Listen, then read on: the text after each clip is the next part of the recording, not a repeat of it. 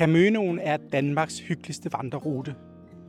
Og det her, det er podcasten om, og ikke mindst på Caminoen. Mit navn, det er Morten Ågaard. Caminoen startede i sin tid med, at øh, Marianne Flormand og Tine Nygaard var ude og spacere en tur. Og de var ude og motionere nogle gange også, og sådan, de bor her på Møn begge to på det tidspunkt. Tine Nygaard var ansat her på museet. Og så pludselig snakkede de om, at det kunne være sjovt at lave en vandrerute, som så kunne hedde Camønoen. Og det grinede de sådan meget af. Ha, ha, ha.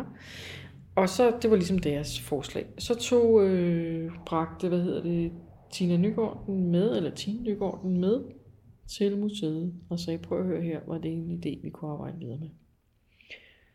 Så blev øh, Sysker, Annette Sysker, som var ansat her på Møns Museum, hun blev ligesom øh, fik sådan en opgave, altså det blev hendes projekt. Og så lavede hun ikke øh, den daglige lederopgave på Møns Museum, men arbejdede kun med Caminoen. Og hun gik så hårdnakket i gang med at udvikle et projekt og ansøgte Realdania stedet til om øh, økonomisk øh, støtte til projektet. Og vi fik 2,5 millioner af Realdania til projektet. Og så gik man i gang. Man tog kontakt til alle øh, de lokale beboere for at høre dem, er det overhovedet noget, I synes, der er sjovt det her, eller, eller synes I, det er en fjollet idé? Og der var rigtig stor opbakning fra de lokale, både bed and breakfast, men også folk, der havde små forretninger, som kom med gode idéer. Der blev sådan, lavet sådan en vidensbank. Hvad har I lyst til? Hvad kunne I tænke jer? Hvad tror I vandrene vil have?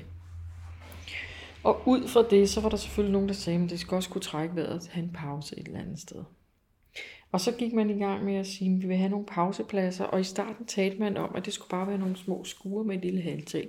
Og så fandt man ud af, at en bænk ville være det optimale. Og på pausepladserne, der er der et øh, stik, så man kan oplade sin telefon. Der er en, øh, en, så man kan fylde sin vandflaske, der er et toilet, og inden for en kilometer er der en mulighed for at øh, proviantere på en eller anden måde, og for at få en eller anden form for overnatning. Så man kan sige, på den måde er Camønoen jo et græsrods, øh, græsrodsprojekt, fordi det kommer nedefra, det er de lokale, det er ildsjælene, der ligesom har puttet idéer ind i det, og som har taget det til sig, og som ligesom også arbejder videre med det. Og derfor er det, selvom vi åbnede sidste år, så er det jo ikke et projekt, der bare er færdigt, og så sker der ikke mere. Fordi allerede i år er der poppet øh, fem nye shelter op, og øh, fire nye bed and breakfast. De allerførste skridt på Camønoen går fra døren på Møns Museum og ud gennem den gamle byport. Herfra der ligger ruten foran mig. 170 km eller 250.000 skridt. En tur rundt på Møn over Bogø og helt ud på spidsen af Nyord. En tur fyldt med mennesker og historier. Langsomt bliver asfalten til grusvej. Den bliver til stier. Og ved siden af mig skifter landskabet fra huse til marker.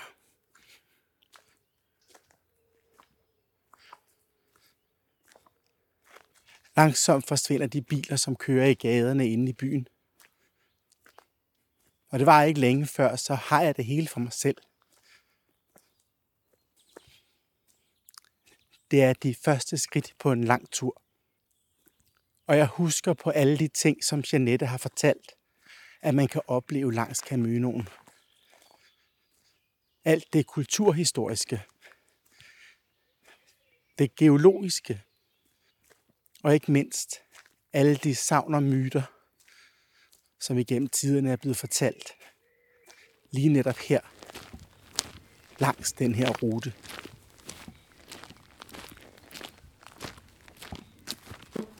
Her på Møns Museum får vi lavet, hvor vi er jo ankerplads for det. Det er her, folk kommer ind og får vejledning og kan købe kortet. Man kan også købe det på via vores øh, hjemmeside. Men køber man det her i butikken, så får man sådan en god råd om, hvor, hvor kan man gå hen, og hvad kan man se, og hvad vil de gerne. Der er nogen, der har nogle idéer om, hvad de gerne vil, og så hjælper vi dem med at, ligesom at sige, Nå, men så kan I gå herop, eller I kan også tage en overnatning der, og sådan.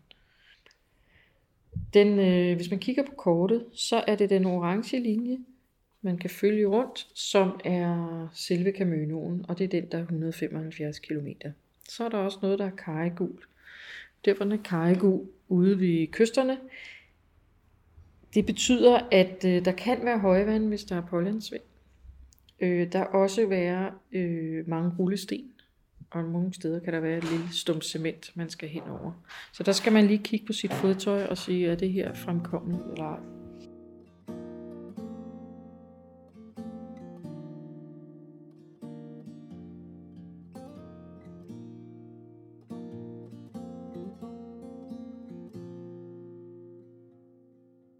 Når vi sådan fortæller om, øh, hvad hedder det, turen her, øh, så øh, fortæller vi også om de der kulturhistoriske ting, man kan opleve og se undervejs. Det kan være gravhøje, det kan være også noget geologisk omkring, øh, hvad hedder det, morænelagene, man kan se nogle steder på klinterne, for eksempel ude ved Tøvelde. Og så kan der være nogle savnhistorier, og der kan være også, kirkerne er jo helt vildt fint dekoreret af Elmelundemesteren. Øh, og det er nærmest sådan lidt manga-agtigt. Og hver kirke, altså de er Fanefjord Kirke, det er Kældby, øh, Elmelunde, Borge og Magleby Kirke. Og øh, hver kirke har lavet ligesom sit eget lille tema. I Fanefjord er det for eksempel meget, der er det dommedag, men det er også hverdagen, og man kan se de redskaber, de har brugt. Øhm, Kjeldby har han malet i kvindesiden en lille djævle, som sidder og kigger i et spejl. Så kan man så gætte, hvorfor han har gjort lige det. Det er jo ikke til at vide. Øhm, men, men der er sådan nogle små pusseløjeligheder øh, alle steder. Øhm, og som nogle turister netop sagde, de havde virkelig set, hvordan helvede så ud i Danmark, efter de havde været inde og se nogle af kalkmalerierne. Øh, jamen, altså, det er jo alle gravhøjene. Altså, Kong Askers Høj, man kan gå ind i, og øh, Fanefjord, ved siden af Fanefjord Kirke ligger Grøntsalen. Og øh, der er jo også en savnhistorie om øh, Kong Grøn. Øh, at han skulle ligge begravet der sammen med sin hustru.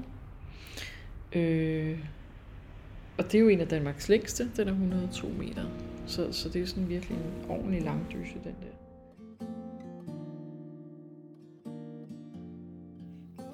En af de ting, der altid har fascineret mig ved det her sted, det er alle de savn og myter, som der er blevet fortalt igennem tiderne.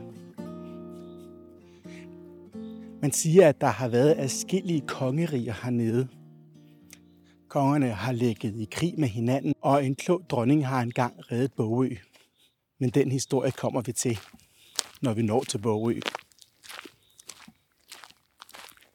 På Bogø har vi jo øh, blandt andet øh, selvfølgelig Bogø Mølle, men vi har også det lille fyr, fyr herude, som er indrettet til som en shelter, man kan booke sig ind på. Og det har jo også været et sted, hvor der, der er jo ikke mere end 850 meter over til, til Falster siden der. Så der har jo været rigtig meget gennemfart, altid ved man.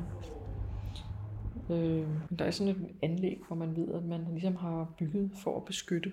Der ligger et område her, der hedder Timmersø Bjerg, så man mener er en fæstning, borgerne har gemt sig i for vinterne, når de kom og hervede. De har brugt den med krigene mod Sverige, altså svenske krigene. Der blev de udbygget, de der fæstningsvejene. Som alle steder i verden, når der er opstået myter og savn, så, øh, så tager det sit udspring i et eller andet. Og sådan er det helt sikkert også her på Møn.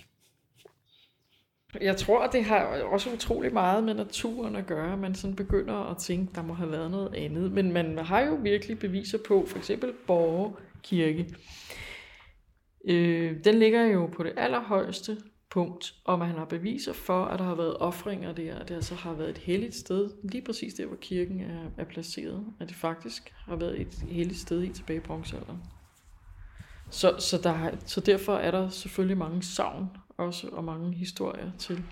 Der har været sådan en kirke som Kælby Kirke, den har stadigvæk et alter udendørs, og det mener jeg også, der er stadigvæk i Borge. Øh, så, så man har, man har haft sådan nogle pilgrimsting på en eller anden måde, må man have haft. Men man har kunne se ældre offersteder, altså som går helt tilbage til bronzealderen. Borg, lige præcis området omkring Borg er jo også interessant, fordi at øh, fjorden har faktisk gået helt ind til kirken, og kirken har ligget på en lille holme. Øh, men så med tiden er fjorden sandet mere og mere til, og så til sidst så i 20'erne, 30'erne, 1920-30, der blev den fyldt helt op. Det sidste stykke, der manglede.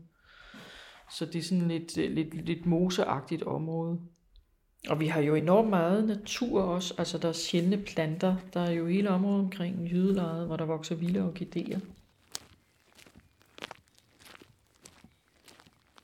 Man siger jo, at når man øh, ligesom går over, går igennem Ulsalskov, så kan man plukke nogle af de der vilde enebær, og så kan man øh, tage dem med videre på sin vandring ud og lægge dem ude i kirken på Nyord i sådan et blåt glas, så ligesom symbol på, at så lægger man sine bekymringer derude. Nyår Kirke er jo en øh, ottekantet kirke, og man mener, det er en lille kopi af Frederiksberg Kirke i København. Og det er der, man skal huske at lukke. Øh, der er to døre, man kommer ligesom ind i et vindfang, og så skal man huske at lukke alle dørene, for så flyver svalerne ind og bosætter sig ind i kirken, og de er lynhurtige. Og Men det er det... jo også på nyår, man har det der lille bitte museum, der er en gang, i, en gang en meter ude hvor selv dronningen har været inde og besøg.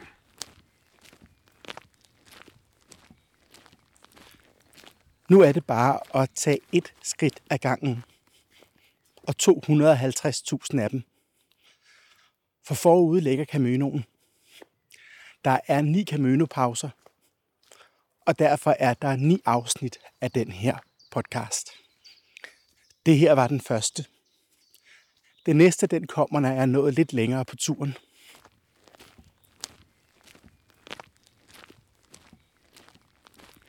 Jeg glæder mig til at gå. Jeg glæder mig til at møde alle de mennesker, som jeg helt utvivlsomt vil møde langs Caminoen. Og jeg glæder mig til at høre de historier, de har at fortælle.